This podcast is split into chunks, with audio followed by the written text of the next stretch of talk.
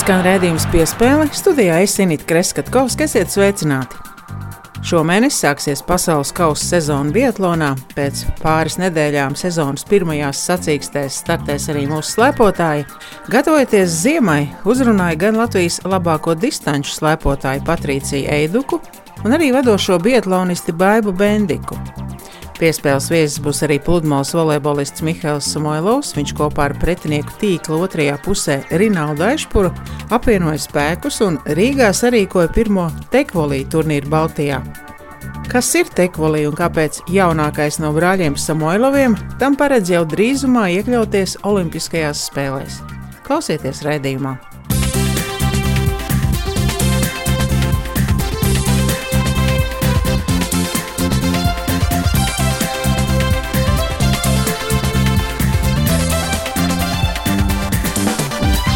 19 gadus vecā distanču slēpotāja Patricija Eiduka nāk no Kokneses novada vecbebriem, no kuplas slēpotāja ģimenes. Viņai ir seši brāļi. Tēvs Ingus Eiduks devis nozīmīgu artavu bērnu karjeras attīstībā, iegūtot gan savus, gan draugu un arī sponsoru sarūpētos līdzekļus. Vecākais brālis Valts piedalījās distanču slēpošanas sacensībās 2006. gada Turīnas Olimpiskajās spēlēs bet Patricija pērn pasaules čempionātā junioriem izcīnīja 10. vietu sprintā, arī 44. vieta 10 km brīvā stila distancē Olimpiskajās spēlēs Pjončanā ir līdz šim augstākais sasniegums distanču slēpotājiem kopš neatkarības atjaunošanas. Patricija Pērna sacentās Igaunijā bāzētās Tīma Hanja vienības sastāvā, kuru gan aizvadītās sezonas izskaņā piemeklēja dopinga skandāls, tāpēc komanda izjukusi. Gan par vērtīgo pieredzi Igaunijā, gan par jauno polijas komandu, gan arī sapņiem par medicīnu nākotnē saruna ar Patriciju Eiduku piespēles ieskaņā. Labdien, Patricija! Labdien! Pagājušajā gadā, kad 18 gados tu biji otrā jaunākā Latvijas delegācijā, man ir palicis atmiņā pavadīšanas process lidostā uz Pjončkanu, un toreiz es eh, piegāju pie tēva un uzdevu jautājumu, vai šis milzīgais koferis, kas tad jums tur ir, vai ēdienas, vai dzērienu, vai, vai žāvētās desas, nu tā kā humorā, viņš teica, nē, tas koferis man ir pilns ar slēpjas mēriem, ja. Droši vien, ka tagad tu vari teikt, ka ir tavā dzīvē vismaz šajā nodrošinājuma ziņā daudz kas mainījies pēc sezonas Igaunijā, tagad jau arī Polijā, tu trenējies pie tik titulētiem sportistiem, nu ieskaitot tagad šo Justīnu Kovaļčuku, olimpisko čempioni, Jā, šoreiz eh, mainījies tas, ka uh, tagad, braucot ārpus Latvijas uh, uz sacensībām, tētim tas koferīts vairs nav jāņem līdzi. Jo tas gan ir vajadzīgs priekš uh, sacensībām Latvijā, bet ārpus tās mums ir nodrošināti smērētāji, kuri visu laiku, visas sezonas garumā ir kopā ar mani un gatavo man slēpes.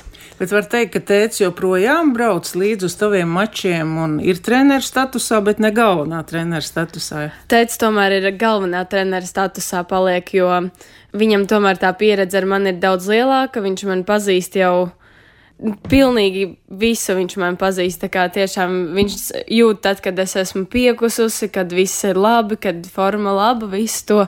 Mums ir divi treneri. Tēdz piekoriģē visu, ja jūtam, ka kaut kas nav īsti kā vajadzētu. Pagājušā sezonā es pirmo gadu varētu teikt, ka biju tādā sajūta to profesionālā sportista e, garšu, kā, kā tas ir, ka tev viss tā kā ir.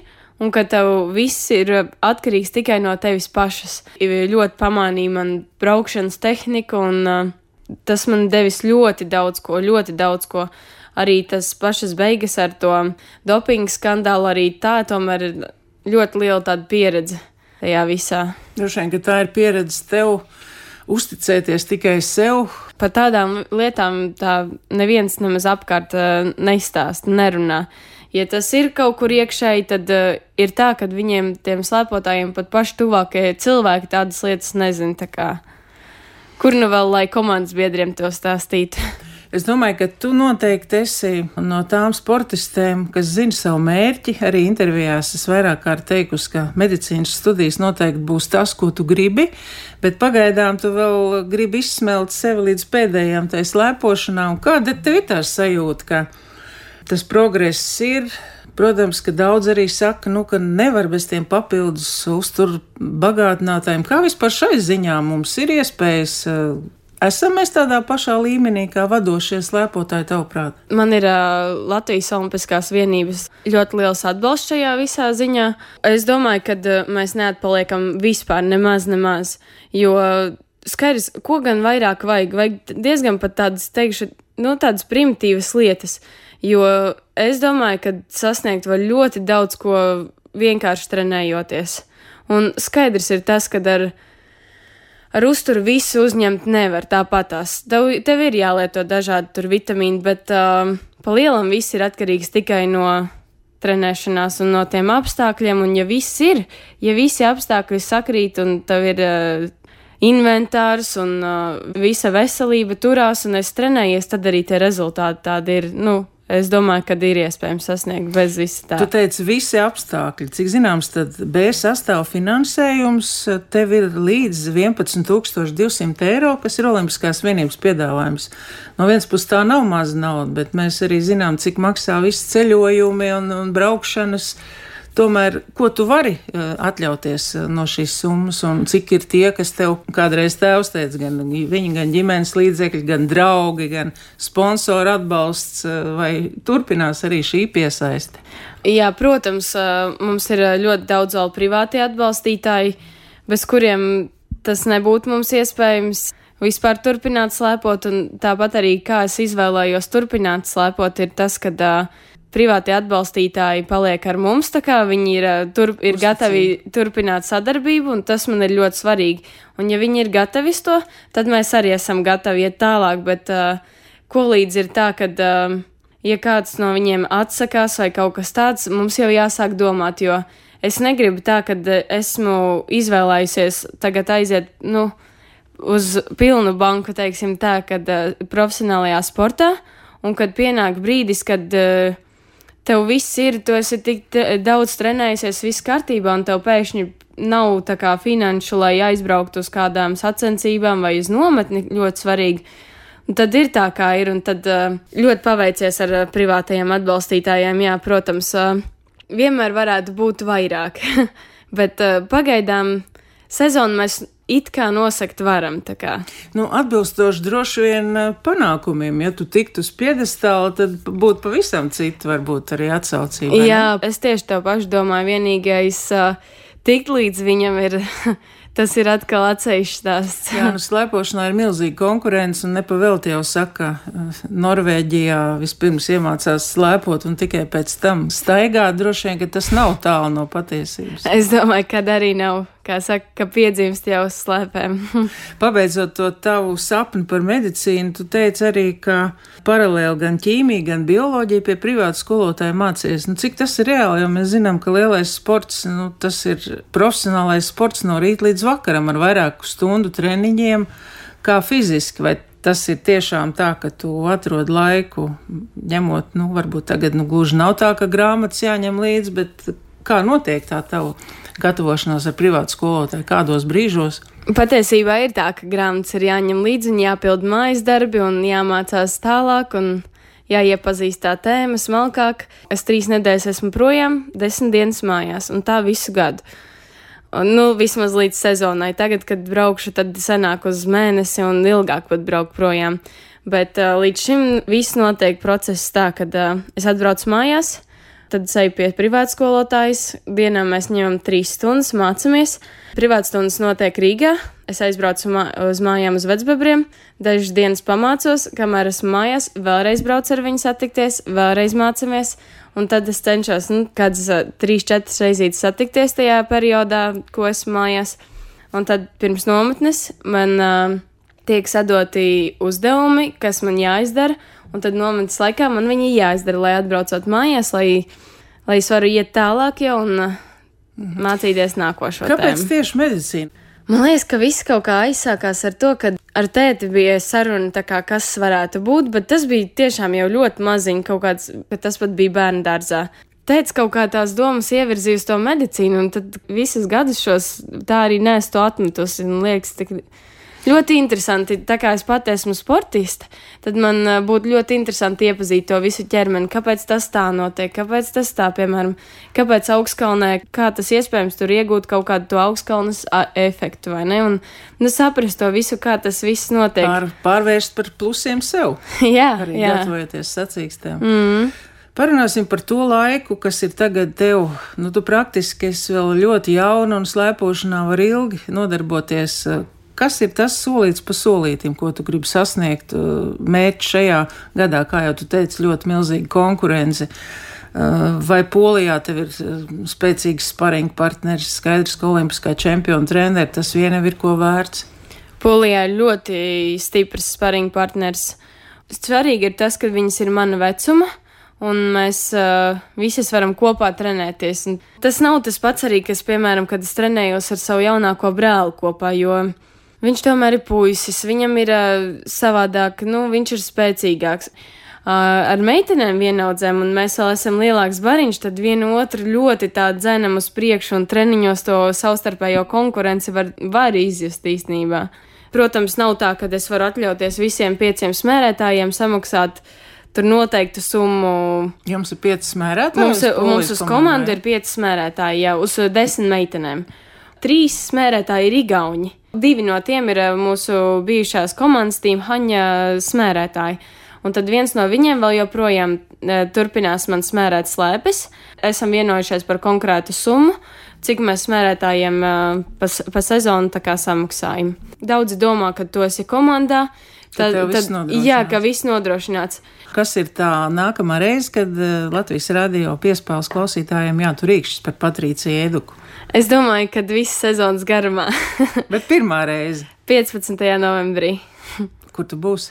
Somijā pašā augšā Monio sacensības būs. Mm. Tās tādas pirmās visas sacensības. Un Paldies tev liels par atsaucību, lai tev veiksmīga sezona un uh, gaidīsim, kad tu kļūsi par labu doktori. Paldies, ka uzaicinājāt. Tas ir ļoti pašsaprotami, kad Latvijas sauc, tad tur nav variantu. Tu vienmēr saki, ka jā. Es cenšos katru spēli palikt labāks, katru spēli augt. Tad, kad jau ir uh, sezonas beigas un, un starpsezona, tad tu vari palikt vēl labāks spēlētājs. Skan raidījums piespēle studijā Inita Kreskatkovska. Mēnesi pirms gaidāmās sezonas tiks sasaukt Latvijas Biatlona federācijas ārkārtas konferenci. Caur WhatsApp telefoniski sazinājos ar Baibu Bendiku un viņas treneri Ilmāru Brici, kurus dažām dienām bija ieradušies Latvijā, lai atkal turpinātu treniņus ārzemēs. Publiski jau izskanējis izmisuma kliedziens, ka vadošie biatlonisti varētu apsvērt iespēju nākotnē pārstāvēt citu valsti, ja līdzekļi netiks rasti un valsts neatbalstīs sporta veidu. Iemesls ir krass finanšu līdzekļu samazinājums pēc nedraudzīgās nodokļu politikas reformas. Ārkārtas konferencē klātienē žurnālistiem nebija ļauts piedalīties, bet pēc tam uz sarunu aicināja gan federācijas prezidenti Baibu Broku, gan viceprezidentu Gundu Rupinieku, arī izlases galveno treneru Māru Čakaru. Pirmkārt, es domāju, ka mēs ļoti cerīgi gaidām, kāds būs rezultāts no Izglītības zinātnes ministrijas un valdības kopumā par to, nu, kā Biatlona federācijai un pārējām ziemas sporta federācijām par to budžetu, kas ir iztrūkstošs, lai mēs uzsāktu. Šogad arī, protams, ir ziedotāji, kas ir uzticīgi mums un atbalsta arī grūtā brīdī, bet nu, viņu iespējas arī ir tādas, kā tās ir šobrīd. Bez tāda nopietna valsts atbalsta šobrīd sapratnes, nu, mēs faktiski nevarēsim startēt, ja tomēr valdība tā nelēms. Lai cik grūti nebūtu, mēs esam raduši kaut kādas iespējas, um, teiksim, um, neslēpšu arī privātos līdzekļus, esam ieguldījuši, lai šo procesu neapturētu. Visi mums sporto un trenējās, un pieņemsim, Bietlāna federācijai tā ir vajadzīga nauda, tūlītās. Tagad, lai mēs uzsāktu sezonu, nu, un pēc tam jau veiksmīgi startējot, mums tā kārtība tāda, ka uh, nostartējot vienā posmā, starptautiskā Bietlāna federācija dod kontribūciju, un tad mēs to mašīnu iegriežam neaiziet. Un, Gaidām ar cerībām, ka valdība mūs sapratīs, jo tā ir tāda kopēja situācija šobrīd visiem sporta veidiem, ņemot vērā to nodokļu politikas izmaiņu, kāda ir bijusi, un tas kritums uz ziedojumiem no nu, visām sporta federācijām ļoti ievērojams. Ir. Jau iepriekš izskanējušas baumas, ka biatlonisti varētu apsvērt iespēju nākotnē pārstāvēt citu valsti, ja valsts sporta politika pret biatlonu nemainīsies. Šovasar Baibas Bendiks treneris Ilmārs Bricis, ko līdzīgi izteica arī publiski. Tādēļ vispirms telefons saruna ar pašu sportisti un tad viņas treneri. Tas ir mūsu darbs, kuru mēs darām 24 stundas dienā, 7 dienas nedēļā. Mums, mums principā nav brīvdiena, mums viss ir pakārtots sportam, jebkuru darbību, ko mēs ikdienā darām. Ja tev nav iespēja ar to izdzīvot, bet, nu, tad ir jādomā jau. Ja, nu, principā mūsdienās jau ir tā, ka tas vairs nav nekas ekstra, un, un, un citreiz pat ir tā, ka ceļš Biatlonā, tu ne, nespēji iz, izsekot, kuru valsti, kurš sportists kurā brīdī startē, bet, nu, protams, tas nebūtu patīkams solis, un kā Latvijas patrioti vienmēr gribētu startēt pa Latviju. Un tas nav sporta veids, kur tu vari cīnīties viens, tev ir vajadzīga komanda ar visu servisu, visiem treneriem. Tur, vai ka ar entuziasmu tur galīgi nav problēmas, un gan Baiba, gan Gundars tajā visā federācijas darbā ir ar visu sirdi, un, un tur tādā ziņā viss kārtībā. Nu, tas kāda ir tā situācija. Nu, vasaras periodā man principā ir tā, ka es mēnesi esmu kalnos, mēnesi lejā mājās, tad atkal mēnesi kalnos un principā vasara simtprocentīgi aiziet tā. Un visticamāk, mājās ļoti iespējams vispār pat četrus mēnešus nebūšu. Mēs pat cik eh, braucu uz ļoti lielu augstkalnu, dzīvoju blakus eh, ledājam, tad uh, Tad jā, pēdējo reizi es iepriekš biju sniega 27. jūnijā, un tagad, principā, visu oktobru arī slēpoju. Posms neuzslēpējumi ir salīdzinoši īss. Turpinājām strādāt pēc tā paša principa, bet ir kaut kādas lietas, varbūt, ko mēs pagājušajā gadā iesākām un šogad turpinājām. Tad, tad šogad jau bija stipri vieg, vieglāk un, un bija tādi vairāk rādītāji, kurus redzēju, ka es vēl stiprāk palikos. Tā, ka, nu, kopumā pagaidām izskatās ļoti labi. Man principā sanāk tā, ka es braukāju kopā ar treneri Ilmāru Brīci un, un, un lielu daļu treniņu viņš kop, vienkārši trenējās kopā ar mani un tad mājās vai kaut kur, nu, tīri varbūt uz dažām dienām kaut kur mēs šos ar pievienojāmies arī pārējai komandai, kas ir pie Mārča Čakara trenējās, bet, bet principā man ar tie, to lielo augstkalnu tas treniņu plāns ir tik specifisks, ka, ka pārējiem tām pieslēgties ir salīdzinoši sarežģīti. Pirmais plāns ir pirms tādas oficiālās sezonas sākuma nostartēt Zviedrijā. Ja nemaldos, 10. novembrī vienu startu Zviedrijiem ir pašiem savs mačs, un pēc tam klasiski Norvēģijas sezonas atklāšanā, kas ir vēl nākamajā nogalē. No 30. sākās pasaules kausi, bet, bet nu jā, visus, simtprocentīgi visus pasaules kausa. Es noteikti nebraukšu. Mēs arī skatīsimies pēc situācijas. Noteikti vismaz vienu es laidīšu ārā, lai paspētu pa vidam vēl kaut kur ielikt kvalitatīvu kalnu nometni, jo, jo es vienkārši zinu, ka tīri man kalni ir nepieciešami, lai pēc tam varētu sevi noturēt pietiekami augstā līmenī. Protams, tas tāds ir galējais, bet jā, no ja teiksim kaut kādās sporta veidos, kur uh, lielās sacensības ir nevis starp valstīm, bet starp komandām, nu, ja tev komanda ir, nu, pēkšņi kļūst maksāt nespējīga, ja vēl kaut kas, tad, nu, tad tu vienkārši nomaini komandu, nu. Te ir, protams, krietni komplicētāk, bet, nu, pa lielam jau, jā, nu, nav jau variantu, jā. Ja, teiksim, valsts nostājas pozā un saka, ka, nē, mums cits prioritātes, partijas jāsponsorē, tad, nu, ko darīt? Naudas plūsmā, nu, protams, jā, nu, kā mums tur jau tās visas izmaiņas tanī, kā, kas notiek, ja tu gribi kaut ko sponsorēt. Tā jau nav sporta politika, tā tagad ir uh, lielā politika. Situācija valstī ir kritiska, cilvēki ir palicis labi, ja puse no tā, kas bija mierīgi iedalam uh, partijām finansējumus cieto, nu, lai nebūtu tā, ka kādam tur jāsponsorē, nu, tā kā apmēram te ir līdzīga situācija, ja mēs nogriežam uh, visas iespējas tur uh, sponsorēt, un tad valstī tā kā tas ir normāli. Tā daudzās valstīs ir, ka 90% ja vairāk finansējums ir stingrais valsts. Tad, nu, ar tādu nodokļu sistēmu un viss kā tagad, nu, tas būtu normāli, bet, nu, vismaz iepriekšējā pieredze ir tāda, ka nu, ticēt tam negribētu. Šogad nekāda lēmuma nepietiks, nauda, cik ilgam laikam pietiek. Nauda ir jau sen jau ar mīnuszīmi pieci ciparu summā jau no mūsu puses personīgā ceļā. Bet, ja tas ir skaidrs, ka vienalga mēs um, šito sezonu no baibas startē, nu, startēs, jo tas būtu, nu, tas vienkārši būtu neprāts tur darīt un trenēties, un um, tas man neizrādīs šausmīgās izbrīnu, ja nebūs tā, ka es nezināšu, ko darīt, ja, teiksim, šodien patīk, kad viss, nu, tam sāksies sacensības, kā kāda daļa naudas nāk no pat dalību nāk apakaļ, jā, nu, kaut kas ir aizrunāts, kaut kas nav tā, ka mēs varam, teiksim, divi tā braukt un es viens nevar izdarīt tik daudz cilvēku funkcijas, tur vēl ir jāsarunā ar kādu no komandām, ar ko varētu apusē izdevīgā variantā sadarboties. Pēdējās pāris nedēļas tas viss tad neizklausās tik skumji, kad ziņā ir federācijas vadība vismaz ir iedot mājām, kad, kad viss tiks atrisināts, bet, nu, es jau domāju, ka tiks atrisināts, bet ne tagad.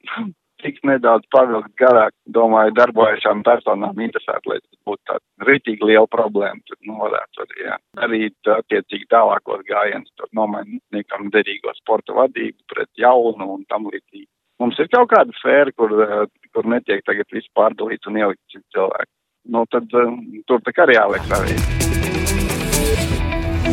Četrus gadus bijis galvenā trenera amatā Igaunijā, tad piecus gadus Gulbenes novada bērnu un jaunatnes sporta skolas direktors. Māris Čakars maijā apstiprinās par Latvijas Biatlona izlases galveno treneri. Joprojām vairāk viņu pazīstam kā Madaras līdumas treneri pēc Čakara treniņu plāniem, Turīnas Olimpiādē līduma sasniedz augstāko desmito vietu Latvijas sieviešu biatlonam Olimpiskajās spēlēs. Par atstāto materiālu izlasē pēc bijušā trenera Vitālija Urbanoviča aiziešanas izlases kandidāti treniņos strādā kopā, bet vadošie biatlonisti Andrēs Rastargujevs un Baiba Bendika turpina darbu ar saviem treneriem, jo abi sportisti regulāri startē augsta līmeņa sacīkstēs. Mārcis Čakars pēc ārkārtas konferences saglabāja to pašu optimismu, kā stājoties amatā. Viss, kas ir noticis vasarā, viss ir noticis uz, uz labu. Patiešām jaunā maiņa aug un cīnās un strādā, pārvar grūtības. Nav pamata pesimismam, jo, ja mēs visi būtu nākuši kopā pesimisti, tad noteikti Biatlons arī būtu pesimistu sporta veids. Mēs esam optimistu sporta veids un mēs darīsim visu, lai Biatlons būtu Latvijā, lai viņš būtu spēcīgs. Kas ir tas, ko jūs tagad pēc gadiem gribat ieviest, kādas reorganizācijas, lai sporta veids ne tikai noturētos, bet nu, atgūtu varbūt eh, tās emocijas, kas mums bija pirms gadiem 20? Mans uzdevums ir izveidot spēcīgu, stipru Biatlona izlasi gan sieviešu, gan vīriešu, gan izveidot jauno paudzi, lai mums būtu spēcīgi jaunieši, lai mums būtu spēcīgi juniori, kas ir pamats Latvijas Biotlāna nākotnē. Sešas Olimpiskos ziemas sporta veidu federācijas nonākušas neapskaužamā finansiālā situācijā, kuru var radīt neatgriezeniskas sekas ne tikai šodien, bet arī daudz tālākā nākotnē. Biatlona federācija līdzekļus iztrūkums ir apmēram 100 tūkstoši eiro. Salīdzinājumā ar 2017. gadu šī situācija ir desmit reizes sliktāka. Ziemas sporta veidu federācijas 4. oktobrī jau nosūtīja oficiālu vēstuli Izglītības un zinātnes ministrei Ilgai Šuplīnskai, lai pievērstu uzmanību uz kritisko situāciju, kas radusies pirms ziemas sezonas uzsākšanas. Vai palīgā sauciens valdības gaiteņos un kabinetos tiks sadzirdēts? Biatlona federācijas viceprezidents Gunārs Upenieks raidījumam piespēli izteica cerību, ka tiks. Ziemas sports veids viens no tiem, par kuriem mums redz, skatās.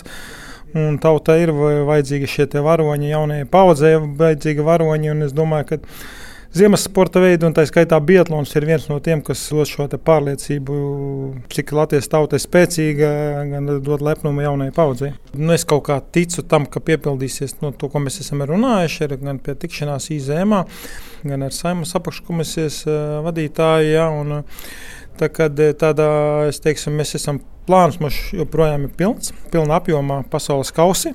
Četriem sportistiem, ar trim sportistiem, kurām ir pasaules kausa kvalifikācija. Ļoti ceram, pēc jaunā gada, ka mums būs stafešu komanda pirmo reizi pēc astoņiem vai deviņiem gadu pārtraukuma sievietēm. Par to mēs šodien ar biedriem arī runājām, un principā uz to mēs arī ejam. Būs arī bija kausa un arī junioru kausa. Nu, pilns apjoms ar trim servisa brigādēm, ar treneriem un viss pārējais. Es domāju, ka viss būs labi.